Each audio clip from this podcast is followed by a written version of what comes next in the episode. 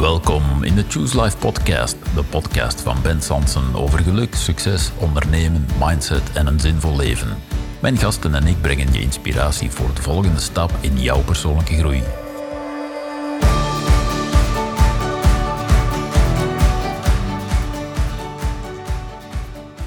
Verdorie. Het momentum is al even gekeerd in het voordeel van Japan. Een rotgevoel, zeker vanaf de bank. En ik ga het veld ook niet meer opkomen. Frustrerend, maar ik moet positief blijven, de ploegmaats vooruitschreeuwen. Yes, Julie Allemand gooit ook haar tweede vrijworp erin. We hebben weer twee punten voorsprong. Hoe lang is het nog? 37 seconden. Komt het dan toch nog goed? Nog 15 seconden op de klok. Hayashi krijgt de bal, probeert een driepunter. Nog maar eens. Nee, alweer raak. Eén punt achter. Het zal toch niet? Laatste aanval. Laatste seconde. Alles of niets. Kim Mestag speelt zich vrij. Gooit haar shot, lijkt uren onderweg en spat jammerlijk uiteen op de ring. De buzzer weer klinkt. Dit kan niet waar zijn. Een onwezenlijk gevoel overmand me. Alsof alles stilstaat. Zoals in een film bijna. Ik kijk om me heen en zie blikken vol ongeloof, verbijstering, ontreddering. Geen halve finale op de Olympics. Het is afgelopen, voorbij, definitief. Ook voor mij. En dan, als het ware in slow motion, zie ik hoe mijn ploegmaats de handen voor het gezicht slaan. Ik zie de hele groep in elkaar storten. Dit mag ik niet laten gebeuren. Deze groep mag nu niet uit elkaar vallen. Anne Wouters, welkom in de studio. Dankjewel, Ben. Ik las de eerste pagina uit je boek The Game of Life. En het was voor jou tegelijk de wedstrijd waarin je afscheid zou nemen van 25 jaar, denk ik, topsport in het basket. Ik kreeg zelf kippenvel bij het herbekijken van de beelden die achter dit verhaal zitten. Hoe is het voor jou om dit terug te horen? Ja, dat komt altijd weer binnen. Ja, en uiteraard heb ik het het, eh, zelf meegemaakt en dan nog eens herschreven. Ja. maar ehm, ja, dat, dat moment, ja, dat blijft bij, voor altijd. En op zich is dat hoe moeilijk, hoe hard en de ontreddering en alles erbij, is dat eigenlijk ook een schoon moment. Ja. Omdat de sport inderdaad niet alleen draait om winnen, maar dat draait ook om zulke harde, moeilijke momenten. En Ja. echt zo, ja, alsof dat de wereld dan even stopt met draaien. Ja. Zo'n moment is dat effectief van nee, dit, dit kan niet. Nee, ik wil nog een kans. Nee, het is niet voorbij. Ja. Maar jawel, Het het, was is, voorbij. Het is voorbij. Het was ook, hè, want de, de beelden kan je herbekijken op YouTube. Het, het was voor jou zo... eh, letterlijk de wereld stopt met draaien, zeg je. Eh, je moest ook wegduiken. Hè? Het, het ging voor jou niet voor de camera op dat moment. Hè? Ja, wel, je hebt eerst dat eerste moment op het veld. Ja. En dan inderdaad is even alsof dat, dat stil is rondom je heen. Dat is een heel raar gevoel.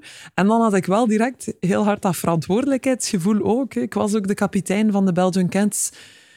Ik zag al die speelsters in elkaar ja, vallen en een hele rare reactie als je daarna even dat bekijkt. Mensen doen dan als iets moeilijk meemaken echt zo de handen voor de ogen, alsof dat je het niet wilt. Je wil het gewoon niet zien. Ja. Je wilt even eh, ontkenning volledig. En dan had ik wel dat verantwoordelijkheidsgevoel van nee, ik moet die ploeg hier samenhouden. En dan hebben we onze huddle, wat dat wij dan noemen, op het veld toch samengekomen om elkaar al een eerste soort troost te geven. En te zeggen, we, we blijven hier samen. Hè. Dat is het, het, het, echt wel het thema dan, om samen erdoor te gaan. Hè. We winnen samen, we verliezen samen, we zijn één ploeg. Maar dan, van dat moment dat je dan ook nog de tegenstander eigenlijk echt letterlijk proficiat moet wensen, hoe moeilijk dat dat dan Ja. ook is. Hè. De fair play is toch ook wel belangrijk in, in sport. En op zich een prachtig verhaal van Japan, maar dat even terzijde. Dan de moment om naar die kleedkamer te gaan, moet je inderdaad de pers eerst de pers. passeren. Ja. En dan werd het me ook wel even te moeilijk. Van dan begon het besef ook wel te komen van oké, we hebben hier ja, toch ook wel een unieke kans laten liggen. Hier stopt het ook voor mij. En dan was het even moeilijk, omdat je, je moet nog een boodschap naar buiten brengen, maar dan worden ook even ja, overmand of overvrouwd, ik weet niet hoe je het moet noemen, ehm, door emoties. Ja, uiteraard. Het zou maar vreemd zijn als je dan niet geraakt bent. Hè? Ja. Absoluut, ja. Je schreef over die 25 jaar topsport ook eh, een heel mooi boek. Hè? We gaan er eh, heel wat elementen uit, Dank u. uit oppikken in deze podcast. Ik denk dat er heel veel lessen in zitten voor, voor de gewone mensen, zal ik het zo maar even zeggen, zoals ik en eh, anderen, wat we van topsport kunnen leren, zowel in ons persoonlijk leven als eh, zakelijk of zo. En Tokio is dan misschien voor jou niet gelukt, maar helemaal achteraan in je boek lees ik ook, alle levenservaring die je als topsporter opdoet, is veel waardevoller dan om het even welke titel of trofee En dat is zo mooi. Ja, dat, dat besef je ook wel dikwijls. Ehm, terwijl misschien eigenlijk wel echt op het einde van mijn carrière dat ik dat echt wel beseft heb van uiteraard, hé, je bent elke dag bezig om te willen winnen en, en die trofeeën in de lucht te steken en zo verder. En dat is je, ergens je brandstof, je motivatie om elke dag ja, de juiste acties ook te koppelen aan, aan je grote doelen. Maar uiteindelijk had ik dan ook wel wat gevoel. En dan zeker, hè, dat heeft wel wat verwerking nodig. Zo'n Olympische Spelen sowieso. Met welk resultaat dat je naar huis komt of niet. Dat heeft mij ook wel wat tijd. Ik heb daar tijd voor nodig gehad. En dan begin je ook te beseffen. Ja, je hebt daar zoveel voor gedaan. Zo hard naartoe geleefd, gewerkt. Maar op zich zijn dat dan eigenlijk niet de twee gelukkigste weken van je leven. Echt? Nee. Absoluut niet. Want- Je slaapt op een kartonnen bed. Nee, ben. Ik ben gewoon om in een eh, gemakkelijk bed te slapen. Nee. Dat is maar een, Nee, maar een ik heb, het wel, voorbeeldje. ik heb het wel in jouw boek gelezen dat inderdaad, ja, dan moet je in een veel te klein bed, een kartonnen bed. Ja. Het is niet comfortabel, het is niet prettig. Het was ook nog in de volle coronatijden, dus het was een heel Voilà. Dat heeft er ook wel iets mee te maken, denk ik. Ik denk dat er andere atleten zijn. En dat maakt het natuurlijk zo uniek, hè, dat het voor iedereen een, een andere ervaring is. Maar die Olympische Spelen waren voor mij ja, zo echt nog de kers op de taart. Hè. Iets wat dan nog ontbrak, wat ik echt heel graag wou meemaken. Hoewel dat ik wist dat ik totaal niet meer fysiek op mijn beste was. Maar dat heeft dan ook weer heel veel eh, krachten meegehad van hoe, hoe kan ik wel nog impact hebben op, op mijn ploeg. Ook al ben ik fysiek misschien niet meer eh, helemaal top. Maar dan ja, beseffen van iedereen heeft zijn eigen verhaal daar in die Olympische Spelen. Ik noem het soms ook wel wat Tomorrowland voor atleten. Omdat je in het begin zijn je wel overweldigd hè, van al die indrukken dat je opdoet en al die ja, atleten rondom jou heen. Die er in alle soorten en vormen en kleuren uitzien. Dat is gewoon fantastisch hè, om daar dan deel van uit te maken. Dus je wordt soms overweldigd door wauw, ik ben eh, zo on- ontzettend dankbaar om hier te zijn.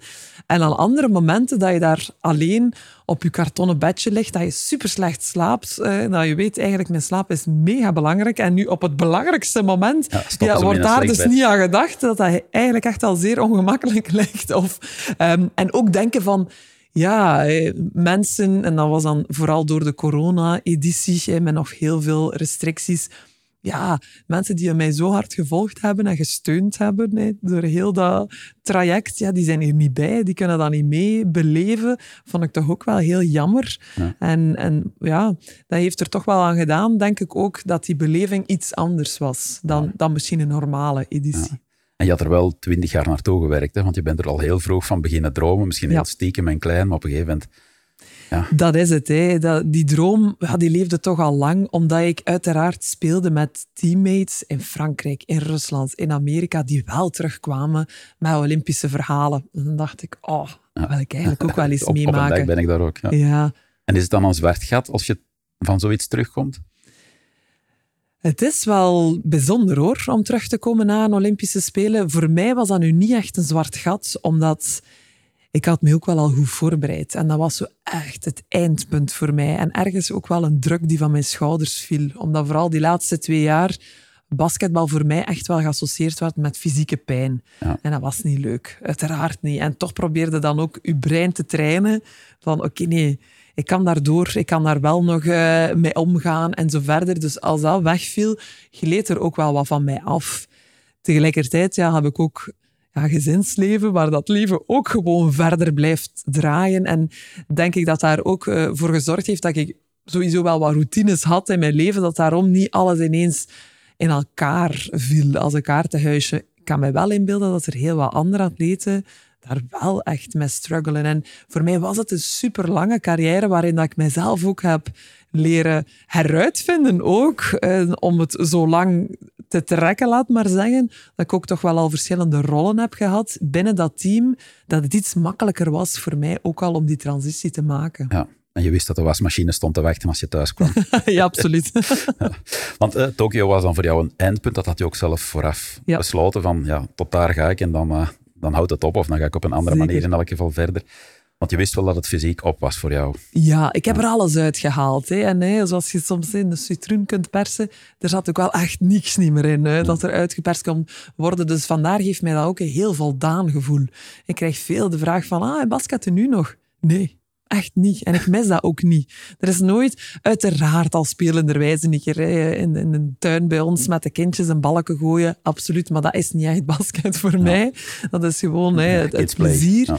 het spel. Maar nee, alles is daar gedaan geweest wat ik wou doen. En dat geeft wel een super voldane gevoel. En niet zoiets van, ah, oh, had nog en toch hoe, dit, dat. Hoe weet je dan precies wanneer je moet stoppen? Want je zegt, ik heb de citroen helemaal uitgeperst, Ja. maar ik heb er veel vragen rond. Eh, je, hebt dan het feit van, ja, ik word wat ouder, ik ben die fysieke kwaaltjes aan het opstapelen. Ja. Wanneer begint dan het idee van, oké, misschien is het stil aan tijd om te gaan afbouwen? Hele moeilijke vraag hè, voor veel sporters. Ja. Van wanneer is, is het goede moment? Want je wilt niet degene zijn die zo nog wat blijft plakken en te lang blijft doen. Maar je wilt eigenlijk ook niet een jaar te weinig doen. Want ja, je, je houdt er zoveel van. Hè? En niet vergeet dat dat echt wel onze passie is. En ook een beetje de valkuil uiteraard, een deel van onze identiteit geworden. Hè? En, en daar denk ik, is het soms wel moeilijk voor, voor veel atleten van hey, wie ben je, is wat dat je doet. En, en Ja. daarin uiteraard kunnen we nog lang ja. praten, maar dat zijn eh, voor mij ook heel veel gelijkenissen, niet alleen met atleten, maar bijvoorbeeld bedrijfsleiders gaan dat ook heel hard hebben. veel- Identificeren zich ook heel Ik zie het ook veel bij vrije beroepers, bijvoorbeeld artsen en zo. Ja, Maar- met de rol, met wat dat ze uitvoeren. Dus atleten zijn daarin net hetzelfde. Maar voor mij was dat heel duidelijk. Die droom, die Olympische droom, die werd concreter en concreter.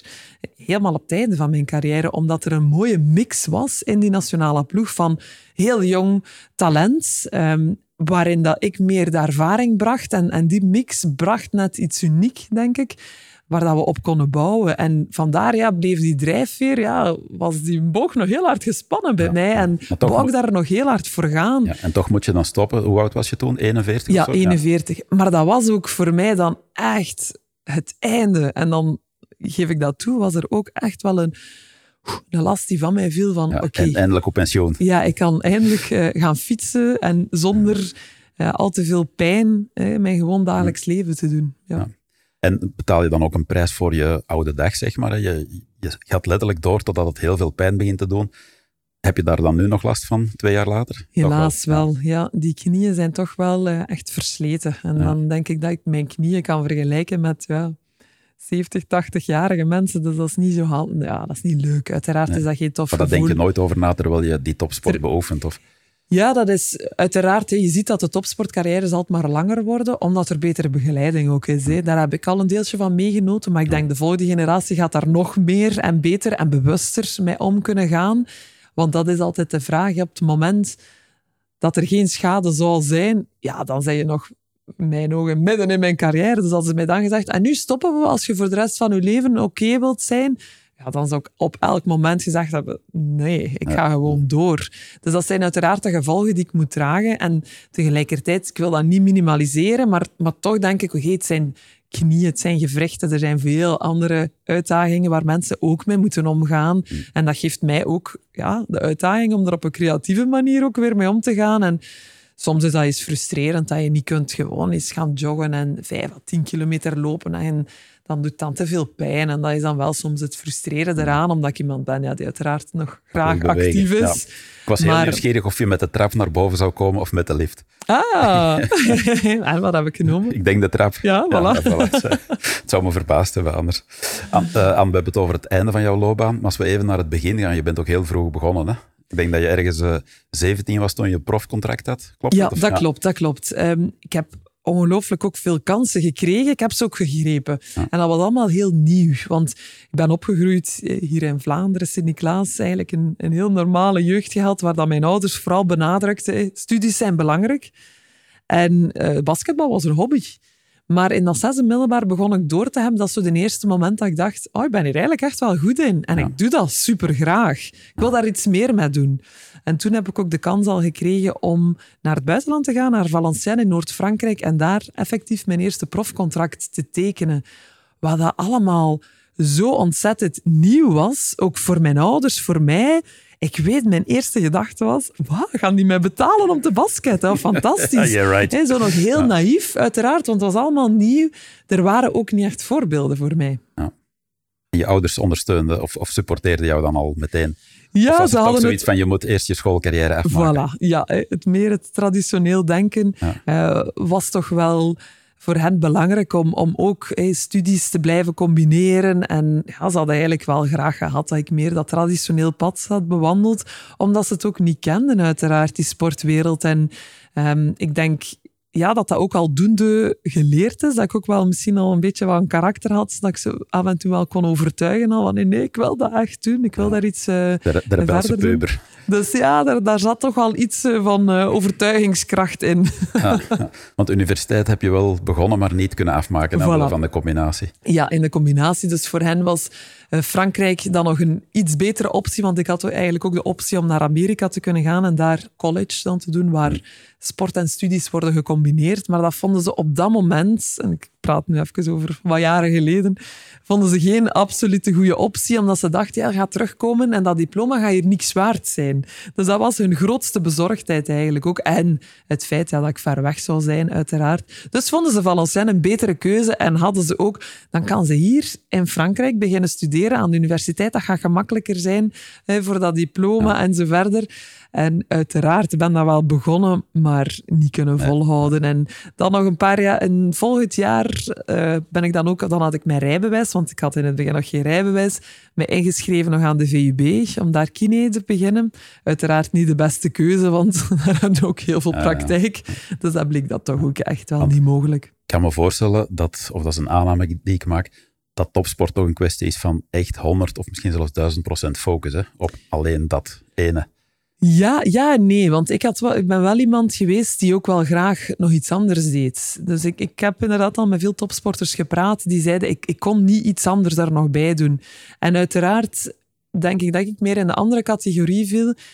Ik vond dat heel tof, heel mijn topsportcarrière. En uiteraard moet je daar ja, 100% voor leven. Maar dat wil niet zeggen dat er geen tijd is om ook af en toe iets anders te doen. Ja. er zijn ook heel veel rustperiodes tussen je trainingen bijvoorbeeld door. In plaats van dan naar heel veel Netflix-series te kijken, kan je ook gewoon je brein bezighouden en, en daarmee bezig zijn. Dus voor mij, denk ik, was ik meer in die categorie dat ik dat ook wel leuk vond om bezig te blijven. Maar nog een keer, ik ga redelijk oud klinken. Um, meer dan twintig jaar geleden waren die opties wel iets minder. Terwijl dat, dat nu, ja, uiteraard, hè, uh, online learning is, is meer en meer in, hm. ingebakken. Terwijl dat, dat toen echt wel nog niet het geval was. Dus vandaar ben ik dan, na een paar pogingen, dan heb ik dat toch maar opgegeven. Ja, toch, toch maar gaan focussen op ja. 100% eh, basket. Want is het ook een verhaal van veel opofferingen? Dingen die je moet laten of waar je nee moet tegen zeggen? Zeker, maar daar, daar is zo een mooie quote ook eigenlijk van het zijn niet echt absoluut opofferingen dat we doen. Het zijn keuzes hè, dat je maakt. En zo voelde dat eigenlijk ook wel. Ik weet uiteraard dat ik heel veel dingen heb gemist. Um, bijvoorbeeld uh, trouwens van vrienden en zo verder. Maar om een duur ja, was dat gewoon ja, een bewuste keuze. Ik zit bij die ploeg. Ik kan onmogelijk zeggen, ik ga nu we even een trouwfeestje naar huis. Ja. Dat, dat ging gewoon niet. Dat kwam ook niet meer in mij op om dat eventueel te overwegen. En ik vond dat op die moment, en ik ga daar misschien nu gemakkelijk over, was, waren dat ook ambetante, lastige momenten soms. Er is één moment in jouw boek, er zijn meerdere momenten die me best uh, aangrepen of, of indruk maakten. Op het moment dat je schrijft van, ja, ik zat daar ergens, ik denk in je Catharina... Uh, Burg, ja. Burg, ja uh, en dat je vrouw aan het bevallen was van... Ja, ja maar nu haal je inderdaad, Ben, ja, de, de slechtste uh, herinnering uh, naar boven. Of, of één waar ik het meeste spijt van heb, uiteraard. Dat, als ik dat nu... Oh, ik zou direct de klok terug willen draaien om dat toch mee te maken. En, en op dat moment ja, denk je van oh, het gaat allemaal perfect passen, want het was uitgerekend. Het was min of meer getimed, ja, maar het Een week later en dan had ik juist eh, een vrije week of een paar dagen vrij en in mijn hoofd zat dat allemaal perfect gepland. Maar uiteraard is dat zo niet. En mijn plaats was toen niet bij mijn team, mijn plaats was toen bij mijn gezin en daar heb ik enorm veel spijt van. Uh, kan ik ook niet meer goed maken. Dat is, dat is zo. Ik heb het gevolgd inderdaad via Skype. Dat is nog uh, verschrikkelijk. Ja. S'avonds was ik wel met, met onze jongste dochter, uiteraard. Maar toch is dat een heel ja, ongelooflijk moment dat je wel gemist hebt. En dat is toch een wat dat hard blijft knagen ook. Maar ik kan alleen maar uh, er nu elke dag van genieten. En ik heb uh, Dixie Danserkoor, ondertussen Wijlen Dixie. Ik heb hem ooit horen vertellen van, ja, ik was dan wel duizenden kilometers ver weg, maar wel mega connected, energetisch op een of andere manier. Ja. Dat ook een bevalling gemist, bijvoorbeeld. Ja, ja ik, ik, ik hoop dat. En toch denk ik dat ik daar ook tekort heb gedaan. Zeker ook als partner. Want mijn vrouw, die, die wou ook mij laten goed presteren in mijn omgeving, was ook niet 100% eerlijk geweest hoe moeilijk dat het eigenlijk echt was. Want zij had wel met onze twee andere kindjes, die ook echt nog heel klein waren. Die waren nog maar twee, drie moesten ze worden. En zij, zij was zelf eigenlijk in die laatste fase van haar zwangerschap ook echt ziek. Maar ik heb dat nooit goed beseft hoe ziek en hoe hard dat ze mij eigenlijk nodig had. Dus daar denk ik dat ik toch tekort heb geschoten en dat ik niet echt eh, zo verbonden was. Maar ja, dat zijn, ehm, ja, dat zijn momenten ja, dat je wou dat je kon terug opnieuw doen. Maar uiteraard ehm, is dat niet. En, en kan ik niet zeggen dat ik nu geen ongelooflijk goede relatie heb met onze jongste dochter hoor. Dus uiteraard, soms zijn er momenten die, die je opnieuw zou willen doen. Maar je kunt, hebt dan weer de keuze om daarmee om te gaan. En Ja, uiteraard, eh, s'avonds had ik haar in mijn armen en eh, heb ik haar nooit meer losgelaten. Ja, want ondertussen heb je twee tieners of drie tieners zelfs. Ja, Twee en, is en negen. bijna, oh my god, ja, onze derde wordt ook tien. Oei, oei, oei. Get used to it. Want hoe heb je al die jaren het gezinsleven dan wel gecombineerd? Hè? Je, je hebt heel vaak in het buitenland gespeeld, een beetje over de hele wereld. Gingen ze dan altijd mee of hoe ging dat concreet? Ja, daar heb ik eh, uiteraard een ongelooflijk goede partner voor die dat ook zag zitten om overal mee te gaan. Dat was ook wel een bewuste keuze van ons eh, om samen te zijn, zoveel mogelijk. En uiteraard toen ik zelf bevallen was, wist ik, drie maanden later moet ik terug op een basketbalveld staan. Dus dat was heel goed, dat zat in mijn hoofd. Maar dan zijn wij vertrokken naar Spanje hè, met ons gezin in plaats van onze twee. Ineens met twee baby's daarbij. Dat is toch wel ook een, een hele uitdaging. En dat geef ik toe. Alleen zou ik dat nooit gekund hebben. Daar heb je echt wel je, je sociaal eh, supportsysteem, hoe dat ik het ook mag noemen, nodig. In eerste instantie mijn vrouw, uiteraard. Maar toch ook nog andere mensen die je echt wel nodig hebt om, om je daarin mee te ondersteunen. En Want op zich had je ook dat bijzonder gepland. Hè? Jouw vrouw was zwanger Ja. en jij was zwanger tegelijk. En Ja. dat was niet helemaal zo gepland, maar toch was het zo. Dus met drie maanden verschil hadden jullie ineens twee kindjes. eh, Absoluut, drie weken verschil. Drie weken, ja, sorry. Ja, Ja. absoluut. Dus dat was ehm, een hele pittige periode, maar ook een hele mooie periode, uiteraard. Zeker het zwanger zijn, dat was fantastisch. Toen, eens als ze geboren waren, was het even heel moeilijk. Maar ik denk dat iedereen zich daar wel iets bij kan voorstellen. Anne, ik wil graag nog, hè, want time flies in, de- in dit soort podcasts is heel leuk. Uh, maar ik wil natuurlijk ook wel lessen uit jouw boek meenemen en zo. Je hebt een stuk jouw levensverhaal, je hebt ook heel veel levenslessen. Ehm, wat ik heel mooi vond om ook te lezen, het, de weg naar die Olympische Spelen toe. Ergens schrijf je van elke ochtend werd ik wakker met de vraag, wat moet ik vandaag doen in functie van Tokio? Was het letterlijk zo, elke ochtend de vraag, wat moet ik vandaag doen? Dat was letterlijk Dat zo. hyper gefocust? Of werd Ja, het ook te veel? Absoluut. En omdat, omdat ik eigenlijk in, een beetje een ander traject zat, laat ons zeggen. Want normaal gezien, eh, veel van mijn mede-teamgenoten, die zaten in een ploeg, in een club. En daar waren ze elke dag ook aan trainen voor de doelen uiteraard ook te halen van hun clubs. Maar op dat moment lukte dat ook niet meer voor mij om, om echt elke dag te basketten en echt mijn engagement aan een club te geven. Dus had ik een, een beetje een zijtraject genomen waarin dat ik heel veel eigenlijk indi- individueel heb getraind, waar dat er een deel revalidatieoefeningen tussen zaten, waar dat er een deel eh gaan fietsen was om mijn conditie op peil te houden en zo verder. Dus dat was, daar voelde ik mij iets meer als een individuele atleet dan als een teamspeler. En uiteraard met, met ehm, bepaalde eh, doelstellingen, dan vooral rond de nationale ploeg, hadden we windows waarin dat we wedstrijden hadden, waarin dat ik dan naartoe trainde om toch ook uiteraard nog wedstrijdritme te hebben, om die trainingen samen in ploeg ook nog eh, te kunnen doen. Waarin dat ik heel veel individuele trainingen heb gedaan met onze voormalige bondscoach Philippe Mestag. Dus dat was een, een traject een beetje op maat gemaakt. Dus daarom was dat heel hard was ik daar heel bewust van. Oké, wa- wat is het vandaag wat ik moet doen om Ja. naar Tokio te gaan? Ah ja, het is gaan trainen met Philippe. Oké. ah, het is eh, naar eh, eh, Lieve Maasschalk gaan voor mijn revalidatieoefeningen. Ah, het is vandaag buiten gaan fietsen. En is het dan vanuit discipline elke ochtend? Ik moet vandaag nog, of echt vanuit een verlangen? Yes, we Ah. mogen weer gaan trainen, want we zijn op weg naar de Olympische. Ja, dat verlangen was groter hoor. Uiteraard zijn er dagen dat je ook niet zoveel goesting hebt. Maar wat ik ook dikwijls zei aan, aan mijn vrouw, ik kwam altijd wel veel beter gezind terug naar huis. Dus dat is ook altijd al een teken van, oké, het geeft u zoveel voldoening om ook daar naartoe te werken. Ja. Dus uh, uiteraard, het is niet elke dag dat je opstaat, joepie, ik mag hier uh, gaan afzien of zo. Dat, dat is ook niet. Maar toch is dat verlangen iets groter en dan geeft het u nog veel meer voldoening, voldoening ja, achteraf. Ja. En je gebruikt ook de kracht van visualisatie en positieve self-talk. Hè? Ja. ja. Zeg eens op welke manier?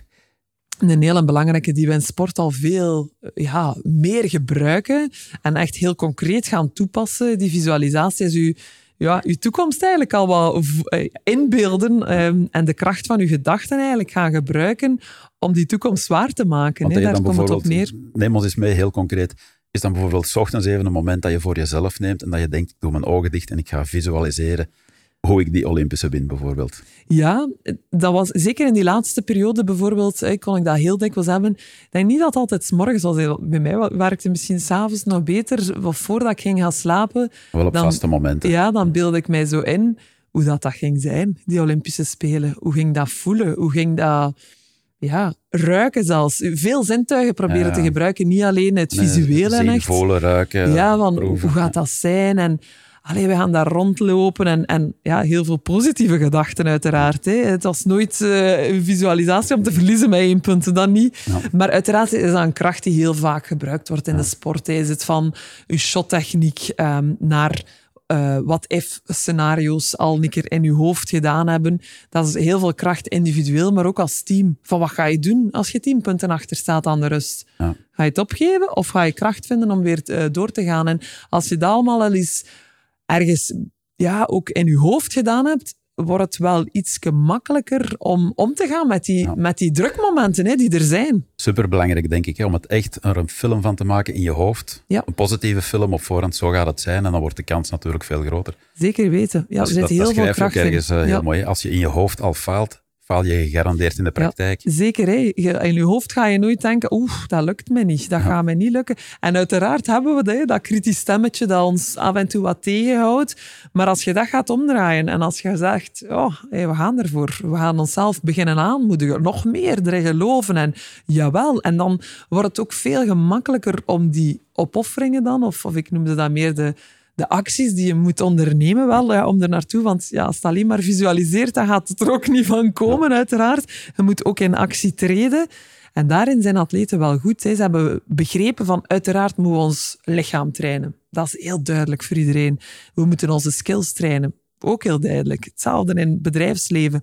Maar onze mind moeten wij ook trainen. Ja. En daar zit nog veel, denk ik, potentieel wat dan nog niet zoveel gebruikt wordt buiten de sportwereld, waarin dat wij begrepen hebben, dat is deel gewoon om, om de beste versie van onszelf te zijn. Ja, dus, dus echt elke dag ook dat opnemen in je trainingsschema. Het mentale Ja, stuk op een of andere manier. zeker weten, ja. En uiteraard wordt daar nu veel meer aandacht Hmm. aan geschonken om ook met mental coaches te werken, sportpsychologen, eh, prestatiecoaches, hoe dat je ze wilt omschrijven, maar we zijn er wel heel bewust mee bezig. En niet meer zozeer het, het feit van, oh, je hebt een psycholoog nodig als er iets fout is. Het is meer om het eh, prestatiebevorderend eh, Ja, te gebruiken. En dat zie ik gelukkig ook in het bedrijfsleven. Hè, dat Zeker. het niet, niet alleen probleemgeoriënteerd is, Nee. maar net zo goed groeigeoriënteerd. Ja, absoluut.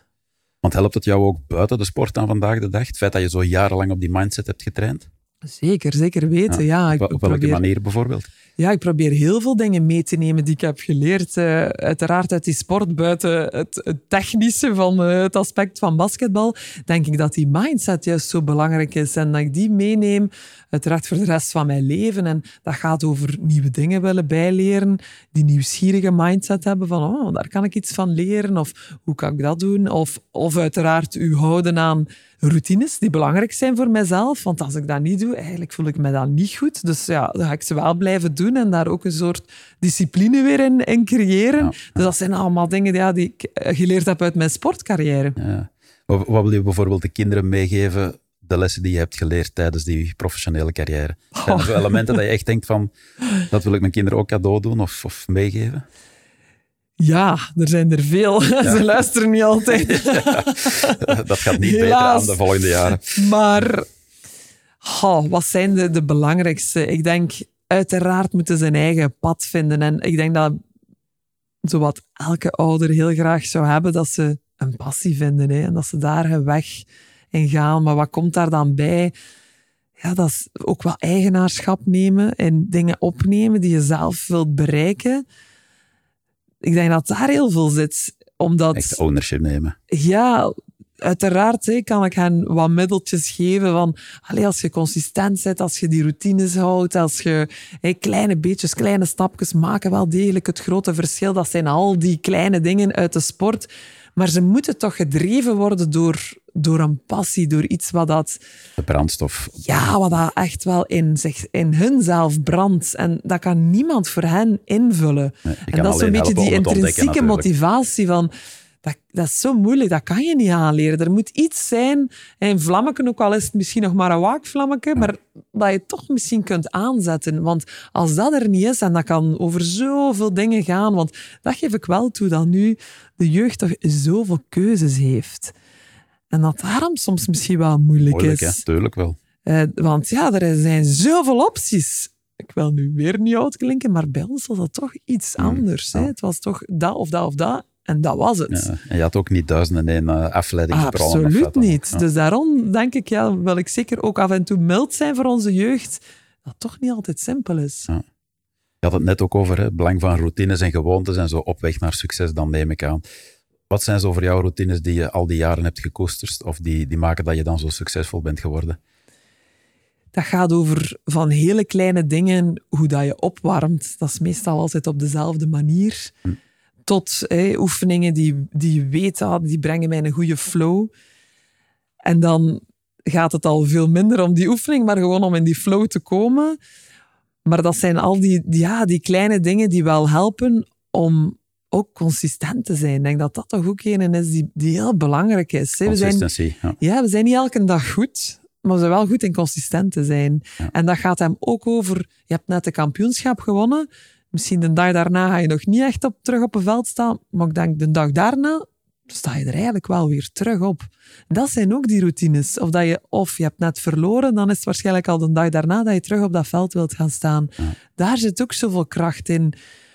En dan noem ik ook de grotere gewoontes en zo. Je gaat weer terug naar, naar waar dat je goed voelt, wat dat, wat dat in je zit gewoon. En daar zit zoveel kracht in, omdat je daar veel gaat bijleren, ook al is dat maar kleine beetjes met een keer. Ja. Maar die kleine beetjes. ehm, ik heb het trouwens ooit met Jurgen Engels eh, ooit een podcast opgenomen en die, die had het ook over de 1% rule. En Ja. die schrijf je ook in je boek. Hè? Ja, dat is waar. Vertel eens even voor de mensen die die aflevering dan niet gehoord hebben. Ja, voilà, dat 1% beter, omdat we daar die marginale winsten, daar zijn we sowieso naar op zoek in de sport. Omdat we weten hè, dat dat 1% verschil, ja, dat, dat gaat het, het verschil maken. Of dat je wint of verliest, of dat je die trofee in de lucht steekt, of dat je met lege handen naar huis gaat. En dat 1%, daar komt het eigenlijk heel de filosofie. Als je 1,01, 1%, maar als je het nu eens 365 dagen volhoudt, dan heb je exponentieel, dan zijn je meer dan 37 keer beter op het einde van het jaar. Ja. En uiteraard zit de filosofie voor mij daar vooral in dat 1% wel degelijk een verschil kan maken als je het lang genoeg volhoudt. Ja.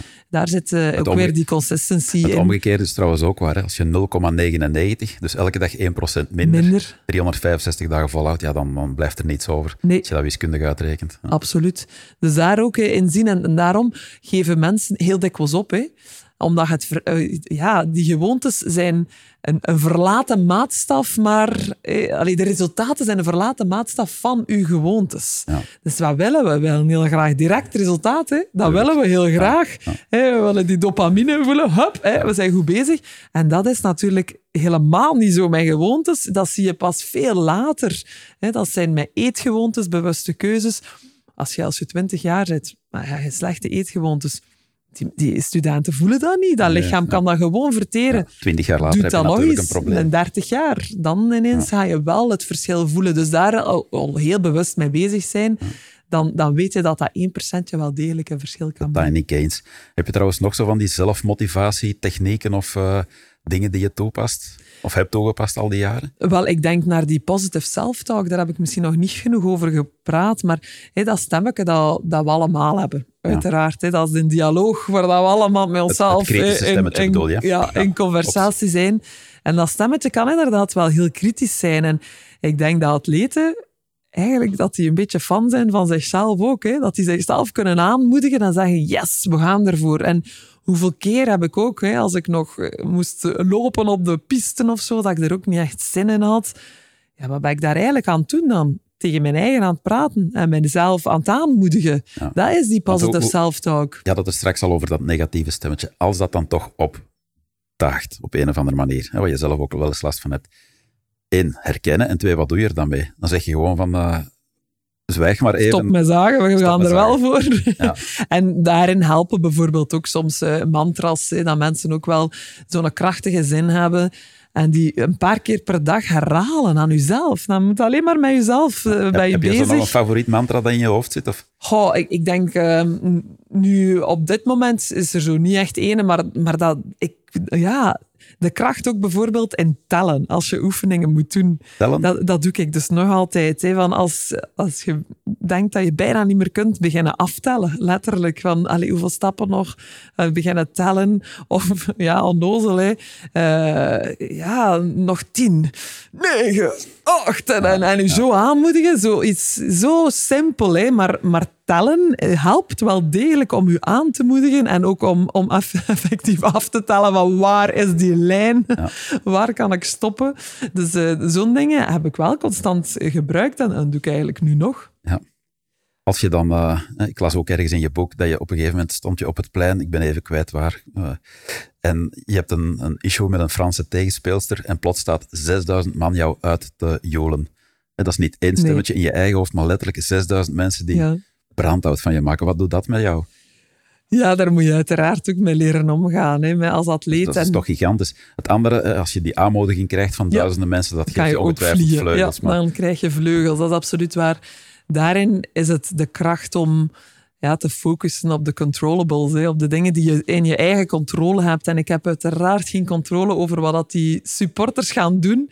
En af en toe, als je thuis speelt, gaan die u meeduwen. En uiteraard, eh, als je op verplaatsing speelt, gaan die helemaal, willen die tegen jou zijn. Dus daar is het om die focus te houden. En dat is nog wel iets wat atleten wel goed doen om zich te kunnen focussen op waar dat ze ook vooral controle over hebben. Dat is dan ook weer een beetje om eh, om te gaan met die druk. Want je hebt je routines, dat, dus daar ben je al goed in. Je hebt je goed voorbereid, daar zijn we ook goed in, uiteraard. En dan je focussen op wat dat je kan eh, controleren. En dat is uiteraard dus die voorbereiding, maar dan over je inzet, over je attitudes. Daar kan je allemaal heel veel invloed, maar niet zozeer op, op de arbiter. En dat heb ik uiteraard zelf moeten leren. Je zou mij maar eens, eh, gelukkig bestaan die misschien niet, die beelden online, maar als jonge speelster had ik het er daar soms heel moeilijk mee, met onrechtvaardige beslissingen in mijn ogen.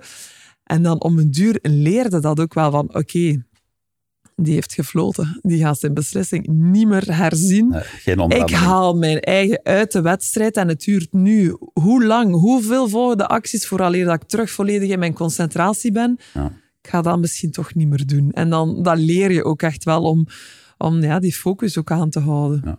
Want dat is deel van het succes ook, echt die maximale focus. Zeker. Is, is, dat, is het dan echt zo dat al de rest er niet is? Dan ben je dan één met het spel, met je medespelers, met de bal, met de tegenpartij en al de rest bestaat niet op dat moment? Ja, en dat is zo'n ongelooflijk machtig gevoel, omdat we dan over die flow spreken. Hè. Ja. En dan is, telt er niks in de wereld nog, alleen dat we, met, dat- met wat je bezig bent.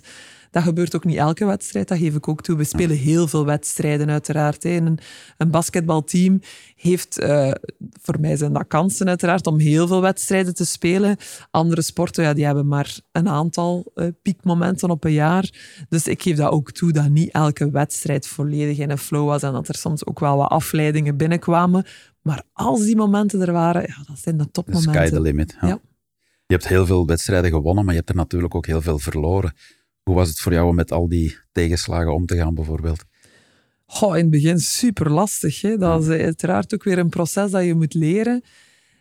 En toch ja, haalde daar heel veel waarde uit. Omdat je het soms als je al geproefd hebt van succes, ja, dan, dan besef je soms niet goed al van eh, hoe is het nu om, om ook te falen. Ja. En dan eens dat je ook gefaald hebt, iets belangrijks hebt verloren, dan wilde, ja, geeft dat heel veel brandstof eigenlijk om terug te willen werken van ik wil dat succes terug gaan proeven. En besefte soms iets meer nog van ah, heel de weg dat je daarvoor doet, ja, is, is ook heel belangrijk uiteraard. En, en dat geeft dan heel veel voldoening als je het dan terughaalt. Dus dat falen is dan de fail, the first attempt in learning. En dat hoort ook echt wel bij de sport om te willen leren uit je fouten. Ja. En je kan ook gewoon niet alles winnen. Daar ook zo'n beetje die, eh, die perceptie rond. Ja, je kunt niet altijd eh, succesvol zijn. Ja. Dus ik wil er dan iets uit leren. Je vermeldde hem net al, jouw definitie van fail. Ja. Zeg hem nog eens, first attempt in First learning. attempt in Ik denk dat learning. een heel mooie is die voor veel mensen, veel luisteraars Zeker. ook van toepassing zijn. Het is geen falen, it's just feedback, it's just learning. Ja, dan, dan verlies je nooit niet meer. Hè. Dan win je of dan leer je. Dus dat is heel mooi gezegd. Uiteraard niet altijd gemakkelijk. En er zijn, het is ook altijd gekoppeld met emoties, wat dat ook oké is. Hè. Om, om dan even eh, boosheid of frustratie of teleurstelling, ontgoocheling te voelen. Dat mag. Maar als je dat dan koppelt aan weer iets positiefs van oké, en nu ga ik er weer eh, tegenaan en, ik ga me weer opladen om daaruit te willen leren en hoe dat ik het anders kan doen om beter te zijn de volgende keer, dan koppelde dat weer aan iets, iets positiever. Het is ook een kwestie van veerkracht, van omvallen en toch weer terug recht. Ja, Dat is iets wat je weten. ook jarenlang getraind hebt. En je zegt ook, het is trainbaar, hè, veerkracht. Ja, dat geloof ik in. Omdat dat iets is, een vaardigheid ook voor mij. Veerkracht, dat niet zoiets is dat, dat aangeboren is, zoals talent of een meter 95 zijn. Maar het is wel degelijk hoe dat je omgaat met die tegenslagen. En dat zit zo ingebakken in sport. Ik heb geen ene atleet die zegt, oh, ik heb alleen maar successen gehad. Dat, dat bestaat gewoon niet. En daar worden we heel goed in, omdat we het ook trainen om terug te veren om zelfs dan nog beter te worden, dat groeien. En dat denk ik, soms denken mensen veerkracht, of iemand die veerkrachtig is als iemand die succesvol is, die eigenlijk ja, nooit tegenslagen heeft, die altijd aan on top is.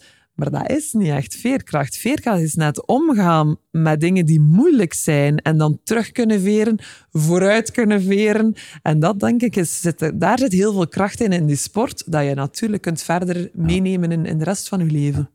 Hoe heb je het dan zelf ontwikkeld? Want je zegt van, dit veerkracht kan iedereen ontwikkelen. Hoe heb je dat proces zelf eh, afgelegd? Ja, door, door een beetje te beseffen wat is er nu nodig in veerkracht. Hè? En dan is nagaan van, oké, als ik tegenslagen had, wat deed ik dan eigenlijk? En dan gaat dat om ten eerste troost te gaan zoeken bij mensen dicht bij jou. Ja, Dus, niet, niet in de chocolade of zo. eh, nee, niet echt eigenlijk. Dat, dat was bij mij niet echt het geval. Hoewel ik heel graag chocolade eet. maar ehm, het sociale netwerk, dat denk ik was voor mij al een hele, hele belangrijke. Om te voelen van, wie geeft mij troost, wie geeft mij steun? Voor wie kan ik troost en steun geven in mijn leven? Dat geeft ook heel veel, Ja. uiteraard, eh, meaning in, in, in, uw la- eh, in uw leven. Sorry, ik ben hier al even In het Engels. ja. In your life. eh, eh, maar eh, dus, dus dat denk ik was al altijd een hele belangrijke de- om te weten welke sociale connecties zijn belangrijk in mijn veerkracht. En atleten doen dat ook goed. Hè. Hun omgeving, je creëert veel van je eigen omgeving. Ja, maar dat kan iedereen, daarvoor En dat kan iedereen, zijn. Hè? uiteraard. En dat beseffen we heel goed. Je omgeving rondom jou gaat wel mede bepalen hoe succesvol dat je gaat zijn. En dus daar ook hele bewuste keuzes in maken. Dus dat is voor mij al een hele belangrijke in veerkracht weten op wie kan je rekenen en wie gaat er het beste in mij naar boven halen. En dat wil ook zeggen, niet alleen ja-knikkers in die omgeving hebben, mensen die ook wel eens uitdagen en die je challengen. En dan komt er een tweede deel voor mij ook ja, terugvallen op routines. Of dat dan nu een tegenslag was, of je hebt net de kampioenschap gewonnen. Je valt terug op je routines. Die maken dat je succesvol bent. Altijd, hè, stap voor stap, dat consistent zijn. Dat denk ik. En dan die een open mindset vind ik toch ook wel een belangrijke. Dat je die link kan leggen. Kijk, tof meegemaakt. Iets wat aan mij geraakt heeft, waar dat... Oh, alleen mijn gut feeling, of, of hoe dat je het ook wilt omschrijven, wat dat mij echt fysiek zelfs pijn heeft eh, gedaan. Om daar dan die open mindset te hebben, maar ik wil er iets uit leren. Mag ik zo één voorbeeldje geven dat daar wellicht in past? Het, Ja. het moment dat eh Eddie hè, jullie verwelkomt, Ja. zijn micro stond nog op, hij zei heel ongepaste dingen. Ehm, dat is uiteraard very tough, je gebruikt Ja. het Engelse woord. En toch ging je daar heel zorgvuldig, heel mooi mee om, vond ik. Als in, het is heftig wat er Ja. gezegd werd, maar je vond niet met, je wou in gesprek gaan eh, na verloop van tijd, je vond ook niet dat het aan jou was om een of andere punishment uit te spreken. Nee, dat, dat is ook weer ja, een voorbeeld geweest van zo'n moment ja, dat op de slechtst mogelijkste momenten viel, uiteraard. Wetende dat wij terugkwamen van Tokio in hetzelfde vliegtuig, uiteraard, met de Red Lions, die daar met Ja. gouden medaille zaten te blinken. Nafit, ja, met een gouden medaille. Die zaten dan in business class en wij mochten in economy, want we geen uh, medaille hadden naar huis uh, meegebracht. Dus dat alleen al was... Ah. Maar uiteindelijk kwam er dan toe, je ziet je familie, je bent blij dat je ook even dat team kunt weglaten en in een andere wereld stappen. En dan ineens overvalt zoiets, ja, dan, dan is dat ten eerste ongeloof. Dan dacht ik, dit kan niet, dat kan niet. En, en dan ook wel wat boosheid. Maar tegelijkertijd, ik weet niet hoe dat, dat kwam, maar op dat moment had ik ook zo direct iets van... Uh, allez, ongeloof, maar ik wou zo niet direct in een confrontatie gaan of zo. Ik dacht, dat kan gewoon niet. Hier moeten we... Ja, misschien beter is dialoog hier de betere oplossing dan echt... Um, ja, dingen te willen eisen of wat dan ook. En uiteraard achteraf gezien, met wat tijd erover te laten gaan, uiteraard om de emoties ook wat te laten bedaren, is daar wel misschien iets positiever uitgedraaid. Je, je, werd misschien ongevraagd, je werd ook wel een beetje boogbeeld van gelijkheid in de sport op, op veel manieren op die... Uh, ja, en dan is dat inderdaad een thema dat ik dacht van, ja, dat, dat is mij, ligt mij heel nauw aan het hart. En daar wil ik heel graag uh, verder over spreken en uh, mensen over informeren, over gewoon al in dialoog gaan met verschillende mensen en zo verder. Dus dat is inderdaad weer iets wat dan op mijn pad was gekomen, zonder dat ik het echt naar op zoek was. Ja, mooi dat je daar van al die dingen dan toch iets mooi maakt. En ik wil ook nog even ingaan op, uh, je had het net over, hè, omringd worden met mensen die jou doen uh, upliften. Ik kom even niet op het Nederlandse woord. Nee, uh. ik ook niet. ja, okay. De luisteraar begrijpt dat vast wel. De kracht van team is voor jou ook heel belangrijk en daar schrijf je ook veel over ja, in je boek. Ja. Zeker. Vertel eens van, wat is voor jou team? Je, je gebruikt zelfs een eigen afkorting, hè? Ja. Trust, energy, accountability, mindset. Ja, dat zijn voor mij vier fundamenten voor elk teamwork. Of dat dan nu een basketbalteam is, of een bedrijf, of, een bedrijf, of, waar dan ook. In teams moet er in allereerste instantie vertrouwen zijn. Een klein beetje gebaseerd, in, moet ik ook wel zeggen, op de piramide van Lencioni. Ja. Een Amerikaan die daar ook wel uitgebreid onderzoek over gedaan heeft. Maar die ook zag hè, van vertrouwen is hier uiteraard, eh, misschien wel in elke relatie dat we hebben, toch wel een, een, een fundament. Ja. Maar binnen een team ook. En dat is zoiets, hè, vertrouwen, gevoelt dat wel, of als dat er is, maar ook niet zo simpel om aan te pakken van, allee, vandaag gaan we eens aan vertrouwen werken. Ja, vandaag gaan we elkaar vertrouwen. Maar dat is niet zo. Hè. Dus, dus dat wilt, als je daar dieper dan op ingaat, wil dat uiteraard zeggen dat je aan het bouwen zit aan, aan je relaties eigenlijk. Hè. Daar komt het op neer. En hoe je uh, overkomen als betrouwbaar. Mensen kunnen, moeten kunnen rekenen op jou. Uh, als je iets zegt, dat je het ook doet. En zo verder. Uh, iedereen binnen uiteraard die verschillende competenties dat ze hebben, wat een team uiteraard complementair maakt en sterk maakt. Maar daaraan werken is wel ook wel een eye-opener geweest, omdat dat in vele ploegen waar dat ik geweest ben, niet werd gebeurd. Daar werden wij gewoon maar samen gezet. We kwamen uit verschillende landen, verschillende culturen, verschillende talen. En hier speelt maar samen basket. En we gaan wel proberen dat kampioenschap te winnen. Er werd nog heel weinig aandacht aan geschonken. En pas uh, bij de nationale ploeg, hey, op het einde van mijn carrière, werd daar heel veel aandacht aan geschonken. En dacht ik, hier zit superveel kracht in om ten eerste te beseffen dat we anders zijn, dat we verschillende persoonlijkheden hebben. Ja. Hoe kunnen we dat allemaal blenden in één geheel? Want da daar draait het hem over teamwork, hè, dat iedereen hetgene doet om zichzelf te overstijgen, om, om een, een groter geheel ervan te maken. En dat, daar zit voor mij nog altijd de schoonheid uiteraard van teamwork. Maar om daar specifieker op te werken, vond ik toch ook wel wat een eye-opener die voor vele teams wel kan beseffen van hier zit nog zoveel marge, er zit nog zoveel potentieel in dat we nog niet benutten. Ja. Want wat je expliciet zegt is, het team is belangrijker dan het individu. En in organisaties zie ik toch helaas vaak het omgekeerde. Dat, dat er te veel focus ligt op het individu of het ego. Ja, in veel bedrijven wordt ook bonussen gelegd op het teamniveau en niet op het bedrijfsniveau of dat soort dingen. Is dat dan in de sport een evidentie of moet je daar toch keihard aan werken? Ja, daar moet je ook aan werken hoor. Want ik heb dus ook in verschillende culturen gespeeld, zoals Amerika bijvoorbeeld, waar het toch ook meer het, individu, uh, het team meer, wordt meer gebouwd rond uh, individuen. Rond de sterren. Rond de sterren, uiteraard. Ja. En daar is het. Um, de mindset is daar ook wel een beetje anders. En dat hebben we iets minder in Europa. En ik denk, ik vind dat ik ben opgegroeid hier toch in Europa, in het Europese stijl, daar voelde ik mij het best. Of dat dat best is of niet, dat laat ja. ik in het midden. Ik heb gewoon kunnen proeven van verschillende culturen en daar overal een beetje, ja, voor mij in ieder geval de goede dingen uitgehaald. Maar er zijn uiteraard hè, veel bedrijven ook die, die vooral focussen rond individuen. Maar toch, als je nu ook kijkt hè, naar de de war for talent, de, de talenten houden, wordt er meer en meer gewerkt rond, het, rond de cultuur van het bedrijf. Welke omgeving creëer je net voor hè, jouw, jouw mensen? En daar is dat teamgevoel wel net belangrijk. Dat je behoort ja, tot een groter geheel, dat je daar trots voor voelt, dat je daarom daaraan wilt meewerken. En de verloningen en zo verder kunnen misschien nog volgen om daar ook een, een, gevolg aan te geven, om niet zozeer op individuele prestaties bonussen te geven.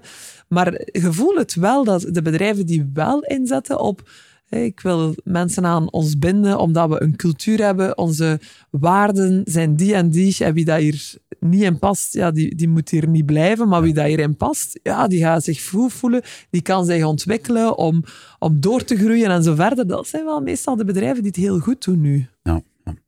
Eh, eh, we hadden het over trust, energy, accountability, mindset. Het stukje energy. Je, je zit zelf vol vuur, dat zie je ook terwijl je hier zit te vertellen. Hoe breng je dan het vuur als kapitein over, wat je heel hard hebt, denk ik. Hoe breng je dat over op de rest? Op verschillende manieren, uiteraard. Ja, Energie is voor mij ook iets aanstekelijk. En, en dat is eh, dan vooral uit de positieve energie of de positieve psychologie. Ook al heel wat onderzoeken uiteraard naar gedaan ja, hoe belangrijk dat is, dat we eigenlijk van nature uit heel negatief gewired zijn. Hè? Dus dat we daar ook ons van bewust moeten zijn dat we mensen hè, dat positieve daarin moeten injecteren echt. En in een, in een sport of in een ploegsport is dat sowieso. Als we al voor de match denken... het gaat niet lukken hoor vandaag, we gaan verliezen. Zijn maar zeker dat we gaan verliezen. Dus daarin zijn wij daar al wel in getraind om daarin te geloven. En voor mij, mijn rol, als, zeker als, als kapitein van, van de Belgian Cats, was op bepaalde momenten ja, heel motivationeel kunnen zijn. En, en soms was dat dan eens met een quote of, of wat dan ook.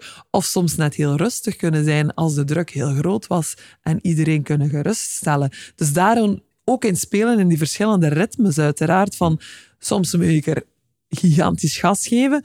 Oeh, maar soms gaan we ook niet keer rustig en vertragen. Dus dat zijn ook allemaal dingen binnen die energie die belangrijk zijn voor mij in een team. En ook elkaar steun geven. Ja. Het is gemakkelijk om de goede momenten te, te vieren met elkaar. Al zeker in een, in een sport, misschien in bedrijven kan dan nog iets meer gebeuren. Om de kleine successen ook te vieren. Maar voor ons is dat iets wat we automatisch doen. Maar voor ons is het ook heel belangrijk om, om de mindere momenten, om dan de steun te voelen. Om te zeggen, als uw teammate net drie shots op rij heeft gemist, de volgende zit erin. Kom aan, we gaan ervoor. Die steun ook voelen, dat is ook de energie waar dat ik over wil praten. Ja. En moet het ook altijd positief gestimuleerd zijn? Of kan je ook oprecht feedback geven als in, goh, ik vind dat je niet genoeg je best doet of je hebt er al drie keer naast gespeeld? Ja, eh? dat is natuurlijk dan de accountability die erin uh, uh, bij komt. Uiteraard eh, willen we een positief klimaat creëren, omdat ik daarin geloof, dat ik dan alleen maar op mijn best kan zijn in een positieve setting. Maar dat wil niet zeggen dat ik daarom niet de waarheid kan zeggen. En ik wil die ook horen. Ik wil zeer constructieve feedback krijgen van wat kan beter, wat dit, wat dat. En mensen of atleten eisen dat eigenlijk. Uh, ik ben nu ondertussen assistant coach in Chicago en je moet niet gewoon zeggen aan een speler, hey, goed gedaan. Daar, yeah, is, daar zei je niks mee. Dan ja. denk je, oh, oké, wat, wat is dat? Wat is er precies? Wat heeft hij goed gedaan? Wat doet hij heel goed? Wat kan beter? Dat willen ze horen. Dat willen ze absoluut horen. Om, om ja, zich verder te ontwikkelen. En dan is feedback niet iets negatiefs. Dan is alleen maar eigenlijk om je beter te willen maken als je het uiteraard doet met de juiste intenties. Tuurlijk wel. Maar dus je, als, als professioneel atleet, je werkt ook lang aan het installeren van een soort feedbackcultuur. Of is het, Zeker dan, is het dan vanzelfsprekendheid? Dat zit er wel sowieso in. Hè. In de sport je zet dat gewoon van in het begin, als je speelt, je coach gaat je overloaden met informatie, maar dan aldoende leer je ook van je teammates, ga je leren van hun tegenstrever, hmm, die doet die een move, ik ga die ook doen. Dat is ook een soort feedback. Dan hoe professioneler dat je wordt, hoe meer verschillende manieren van feedback die je krijgt, dan krijg je heel wat videomateriaal te zien. Soms zeg ik dat in bedrijven, hè, film is iets. Ja, of film jezelf is. Ja. Daar zijn, zijn mensen heel uh, moeilijk tegenover. Uiteraard, voor ons is dat ook moeilijk, hè, om naar jezelf te kijken, welke acties dat je doet. Welke- En je hoofd lijkt dat allemaal een beetje beter, hoor. Ja. En dan ineens acties, worden met oh, eh, ja, de, de pure waarheid eh, geconfronteerd. Dus we zijn dat wel gewoon in de sport, uiteraard. Hè, dat we daar veel ja, een opener mindset sowieso hebben om onszelf te zien, om onszelf te kunnen evalueren, om sommige coaches uiteraard ook die feedback kunnen geven. Maar daar zijn we dus constant mee bezig. Feedback is breakfast for champions, zeggen ze dan. Hè. Ja. Absoluut, een mooie quote. Ja, ik heb in jouw boek trouwens heel mooie, eh, twee totaal verschillende scenario's gelezen. Het ene was van Magic Johnson, die een of andere very inspirational speech kwam geven. Maar de andere, ik ben de naam even kwijt, eh, had jullie drie uur lang staan, eh, om het heel plat uit te drukken, afzeiken. Ja. En dat had niet het gewenste effect. Hè? Nee, uiteraard niet. Nee. Ik denk, als ik terug eerder over de inspirerende talk van Magic Johnson, voor de mensen die niet echt basketliefhebber zijn, een van de legendes ja. die, eh, die toch wel ook het dreamteam van in Barcelona 92 kleurde, maar die ook de NBA toch wel veranderd heeft. Die was een van onze eigenaars als ik voor, LA, voor de LA Sparks speelde. En wij hadden alles om kampioen te worden. En dat was ook mijn drijfveer, want ik was nog geen kampioen geworden in de WNBA. Maar een beslissende wedstrijd in, in Amerika is een, een series dat je moet winnen om, om kampioen te worden. Dus wij moesten, vijf, wij moesten drie wedstrijden winnen. Dus dat is een best of five. Dat eh, zo noemen ze dat. Dus je kan drie wedstrijden op rij winnen, dan ben je kampioen. Of je kan tot de vijfde wedstrijd gaan, als het 2-2 staat. En wij, hadden, wij stonden 2-1 voor en we hadden een thuiswedstrijd. Dus iedereen ging ervan uit dat we die Easy thuiswedstrijd. Ja. dit, dit wordt, hè. hier gaan we kampioen spelen. En dat gebeurt dan niet. Hè. Het wordt 2-2. En daar heeft Magic Johnson ons zo'n inspirerende talk gegeven. Met, ehm, ja, we waren gewoon klaar om terug te gaan spelen. En ik wist, we gaan winnen. Het is dan nog in de mooiste manier ge- eh, gebeurd. Ook in de laatste seconde pas gewonnen. Op verplaatsing dan. Dat is een hele mooie eh, wat- finale. Wat maakte het stukje van Magic Johnson dan net zo krachtig? Ik denk dat omdat hij ook uiteraard uit zijn eigen ervaring kon praten. Hij, hij begon te praten eh, wanneer hij nog speelde bij de LA Lakers dan en tegen Boston, hun, hun rivalen. Dus ik denk dat dat heel veel geloofwaardigheid gaf uiteraard. Maar dat is gewoon een mens met ook heel veel charisma. Hè, Dat is een grote mens, maar een smile, een ongelooflijke... Je hangt gewoon aan die lippen. Dus dat was heel charismatisch, inspirerend. Ehm, om nu eerlijk te zijn, de juiste woorden weet ik ook niet meer, hè, wat dat die mens heeft gezegd. Maar dat, die indruk dat hij heeft nagelaten was zo fantastisch. En wij waren gewoon klaar om, om te gaan winnen. Ja. Het is ook gelukt. En het is gelukt. Ja, mooi. Zo zie je maar dat een goede speech best belangrijk kan Ja. zijn. Eh, als je nu al die jaren, je hebt 25 jaar lang meegedraaid aan de top, hoe heeft de sport jou veranderd? toch veel. Ik denk dat ik toch wel veel vaardigheden heb geleerd. Hè. Zoals waar dat we al net over gesproken hadden, die veerkracht, maar toch ook wel wat leiderschap. Ik denk dat ik dat ook wel geleerd heb om te geloven in mezelf. Als jong meisje dat begon te basketten, dat veel te groot was, dat toch wel best onzeker daarover was. Als ik dan nu terugkijk, ja, dan ben ik toch wel een, een vrouw geworden die, ja, die ook wel stevig in haar schoenen staat, die, die weet wat ze wil, waar dat ze voor wil gaan. Dus dat heeft de sport mij toch wel echt gegeven. Je was ooit ook een verlegen meisje, schreef je zelf. Ja, dat klopt, dat klopt. Ja. Ik denk dat mijn lengte daar ook wel iets mee te maken had, als ook mijn karakter waarschijnlijk. Maar ehm, ik vond dat niet leuk om zo op te vallen, om zo groot te zijn. En uiteraard, door te basketten heeft mij dat veel zelfvertrouwen gegeven. En ja, was dat ineens iets heel positiefs en, en kon ik mij verder ontwikkelen. Dus daar heeft de sport mij uiteraard heel veel dingen gegeven. En nu, je, hè, die sportcarrière zit erop. Eh, je, speelt, je bent weliswaar nog assistant coach in eh, Chicago. Als je dan die top hebt bereikt, hoe blijf je jezelf dan nog ontwikkelen? Wat houdt jou, what keeps you going? Eh, Ja, daar, daar denk ik ook nog altijd over na. En wat ik leuk vind, is om mensen te verbinden, maar eigenlijk ook, en dat is misschien wel nog altijd een egoïstisch kantje, om impact te hebben. Hè? Om, om toch een steentje te verleggen en zo verder. Daar wil ik graag nog aan verder doen. Dat drijft mij ook wel echt. Nog mensen inspireren, uiteraard. Ik heb dat in het begin van mijn carrière vond ik dat soms moeilijk om te denken van, allee, ik mag hier nu mijn hobby voor beroep doen. Ik vind dat heel plezant om te doen. Ik word daarvoor betaald. allee, is dit het nu? Dat, soms had ik dat wel hoor, van moet ik niet mee de wereld helpen redden en zo verder. En dan stilletjes aan, met ervaring besef je dan ook, ah, maar door te doen wat ik graag doe, wat ik goed kan, door dat gepassioneerd te doen, kan ik mensen inspireren. En dat denk ik, toen ik die klik heb gemaakt, misschien is dat ook wel in de periode gekomen als ik mama werd, want het draait niet alleen om mij, het draait om andere mensen, ja, ook mee te inspireren, ook voor hun dromen te laten gaan. Dat iedereen een basketter moet worden, helemaal niet. Maar iedereen heeft wel het potentieel om, om voor zijn eigen of haar eigen dromen te gaan. En als ik daar een klein duwtje soms eens in de rug kan geven, oh, dat vind ik fantastisch en vind ik ook echt heel waardevol. Ja. Ik interviewde ooit Leo Bormans, de bekende geluksonderzoeker. En die man zei, geluk en zingeving zit eigenlijk in twee woorden. Andere mensen. Ja. Als je echt iets kan betekenen voor anderen, op welke manier dan ook, doordat je inspireert of uh, faciliteert of whatever, gewoon door je aanwezigheid, ja, it makes you happy.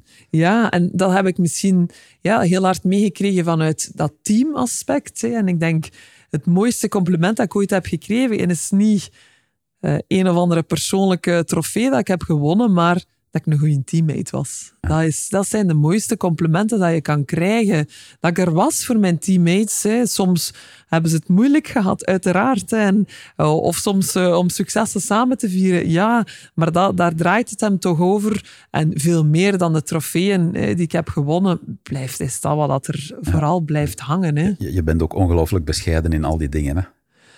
Goh, ik denk, ik heb het ook nooit alleen gedaan. Dus ja. ik heb altijd heel veel mensen gehad die dat mee mogelijk hebben gemaakt. Dus ik zou niet weten waarom dat ik niet bescheiden zou zijn. Uh, het is altijd een, een, uh, een teamgebeuren geweest en ik heb daar ook hard aan proberen zelf mee te werken. Maar het is altijd een, een samenspel geweest van veel factoren. Ja.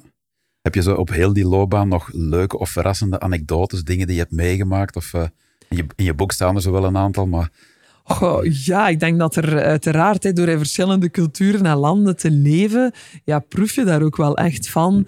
En ik weet nog, ja, hoe je ja, tijden eigenlijk als ik ook naar Rusland, en dat klinkt misschien wel raar nu in, in deze uh, setting, maar Rusland heeft voor mij, wekt nog altijd een goed gevoel op, omdat dat ook zo, zo anders was ja. dan wat, dat we, wat ik tot dan gewoon was. Ik had wel al jaren in Valenciennes gespeeld, ik was al naar Amerika geweest, maar dan Rusland kwam daarbij en dat was totaal anders. Het was een periode van heel veel overvloed in, in, die, uh, in, in die tijd en waar dat ik ook zotte dingen gewoon heb meegemaakt, dat je denkt, Allee, dat kan gewoon niet.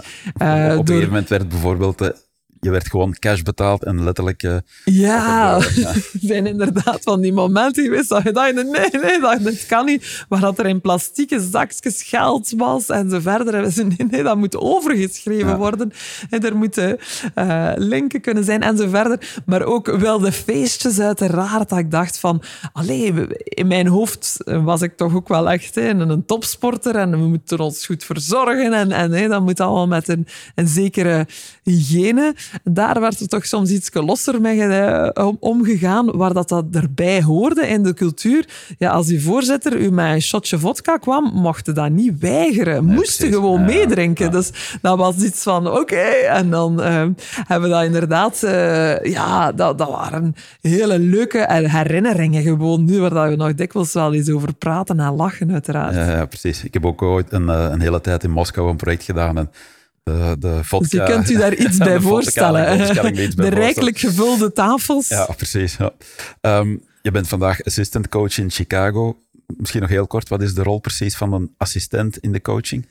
Op zich eh, behoor ik nu tot de coachingstaf, dus een ander ja. team, uh, zo zie ik het dan. En waarin dat we ook wel specifieke rolverdeling hebben, waarin een deel van ons werk uiteraard gaat over het begeleiden van onze eigen speelsters, om, om daar een aantal speelsters die je dan meer individueel ook begeleidt, uiteraard de teamtrainingen voorbereiden. En dan gaat erop, komt erop neer ook om de tegenstander goed uh, te kunnen scouten, om daar heel veel videoanalyses rond te doen, om ook ja na te denken over hoe willen wij spelen, wat, wat, is onze belangrijke, wat zijn onze belangrijkste troeven um, en zo verder. En toch ook om heel veel ervaring door te geven van, van jezelf, van je eigen carrière op uh, ja, een jongere generatie. Ja, en dat ga je blijven doen de rest van je carrière. Ja, misschien in andere settings. Ik weet niet of dat ik nu terug ga naar, naar Amerika. Het is uiteraard uh, heel boeiend, ook voor mezelf, om veel bij te leren op korte tijd. Maar ik moet ook zien dat, dat mijn evenwicht toch een klein beetje, eh, dat mijn balans in evenwicht blijft. Er moet ook wel wat opgeven, uiteraard, om, om zoveel maanden dan ook naar Amerika te gaan. Dus vandaar uh, is het nog niet zeker of dat ik terug ga. Maar absoluut mijn ervaring blijven doorgeven, dat is wel een constante. Ja, word je het ooit beu, basket? Goh, ik kan um, best wel genieten van een tijd zonder basket hoor. Het is niet dat ik dat heel de tijd nodig heb nu. Ik heb er heel veel aan gehad en ik vind het nog altijd de mooiste sport die er is. Dat is zeker en vast. Maar het is nu niet dat ik er constant mee moet uh, geconfronteerd worden of, of dat ik dat constant ga opzoeken. Dus dat, dat ook niet. Ik kan ook wel een leven een beetje met basketbal veel minder aanwezig. kan, okay. kan ook. Het is net oké okay dat de kinderen ook basket spelen. Ja, dat wel. Dus uh, ik word er nog altijd mee geconfronteerd. Ja. Uh, Anne, misschien nog één laatste vraagje. Je bent voor heel veel mensen een rolmodel, denk ik, zowel in de sport als daarbuiten, persoonlijk, zakelijk, noem maar op. Wie is voor jou nog een rolmodel? Naar wie kijk jij nog op? Wat wil je van hem of haar nog leren? Oh, er zijn heel wat mensen naar wie dat ik opkijk. En dan denk je altijd in eerste instantie zo naar de grote namen of zo. Maar ik, um, om eerlijk te zijn, luister ik ook heel graag naar podcasts. Laat ik mij ook heel graag inspireren door, door mensen die ja, die hun eigen trajecten, eigen verhalen um, op een leuke manier ook kunnen brengen, waarin dat ik geïnspireerd word. Ik geef toe dat, uh, dat bijvoorbeeld uh, Jennifer McCallum, die ligt nu die boek op mijn tafel op mijn, uh, of op mijn nachtkastje in her own voice. Vind ik heel tof om ook te weten van waar uh, vrouwen soms ook uh, met de dubbele standaarden dan, waar dat vrouwen toch nog wat tegen opbotsen, hè, de glazen plafonds, dat, dat boeit mij nu zeker op dit moment om daar nog meer over te leren. Maar eigenlijk ook het ondernemerschap. Dus dan uh, ja, kan je kijken naar, naar de hele grote, naar de Elon Musks van deze wereld, maar eigenlijk ook op, op uiteraard op, op Vlaams niveau vind ik dat altijd boeiend ook om, om in gesprek te gaan met ondernemers. Ja, voilà. En je bent vandaag in gesprek gegaan met heel veel mensen, want we hebben heel veel luisteraars. Ja. dus uh, ik denk dat je heel veel mensen het mogen inspireren. Dus ik ben heel blij dat je hier bent. Dank je wel voor de uitnodiging. Ja, dank voor het mooie gesprek. Ik hoop dat je nog heel veel uh, van je carrière kan verder zetten en op die manier ook nog heel veel mensen kan inspireren. Je boek, The Game of Life, kunnen mensen natuurlijk gewoon kopen in de boekhandel, denk ik. En uiteraard ook uh, op onze boekentips pagina. Ik zet het er met veel plezier bij. Dat is gewoon bensansen.com slash boekentips, waar allerlei inspirerende boeken staan voor je persoonlijke ontwikkeling. En als mensen jou willen boeken als keynote spreker, dan kan dat gewoon via je website, anwouters.be. Dat klopt volledig. Ja, mijn vrouw Lisbeth had jou trouwens ooit gezien, vond jou heel inspirerend. Super. En dat, is ook, dat was de aanleiding uiteindelijk dat we, dat we dat we hebben connectie genomen. hebben gemaakt. Ja. Dus, uh, mooi. En ook aan jou natuurlijk, luisteraar. Dankjewel, fijn dat je er weer bij was. Ik ontvang heel wat uh, berichtjes over hoe Choose Life jou helpt op een of andere manier op weg naar jouw mooiste leven. En dat doet me natuurlijk ook heel veel deugd. Heb je trouwens nog vragen in je leven of je business waarvan je denkt zou boeiend zijn om er een keer een podcastaflevering van te maken? Dan mag je het altijd doorgeven. Of heb je podcast suggesties of boeiende gasten zoals Anne? Of wil je gewoon feedback kwijt? Ik hoor het graag. Dat kan gewoon via mijn Insta Instagram pagina. Dat is gewoon Ben Sansen. Moeilijker is het niet om mij te contacteren. En zoals altijd, maak er nog een mooie dag van en choose life.